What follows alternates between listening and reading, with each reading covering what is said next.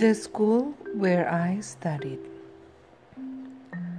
I passed by the school where I studied as a boy and said in my heart, Here I learned certain things and didn't learn others.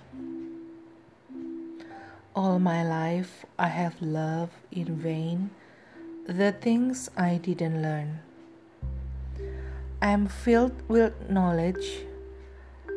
I know all about the flowering of the tree of knowledge, the shape of its leaves, the function of its root system, its pests and parasites. I'm an expert on the botany of good and evil. I'm still studying it. I'll go on studying till the day I die. I stood near the school building and looked in. This is the room where we sat and learned. The windows of a classroom always open to the future. But in our innocence, we thought it was only landscape we were seeing from the window.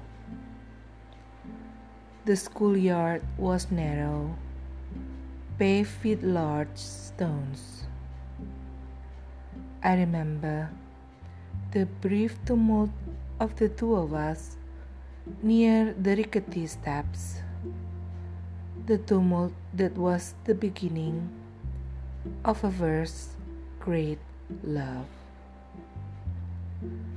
Now it outlives us as if in a museum, like everything else in Jerusalem.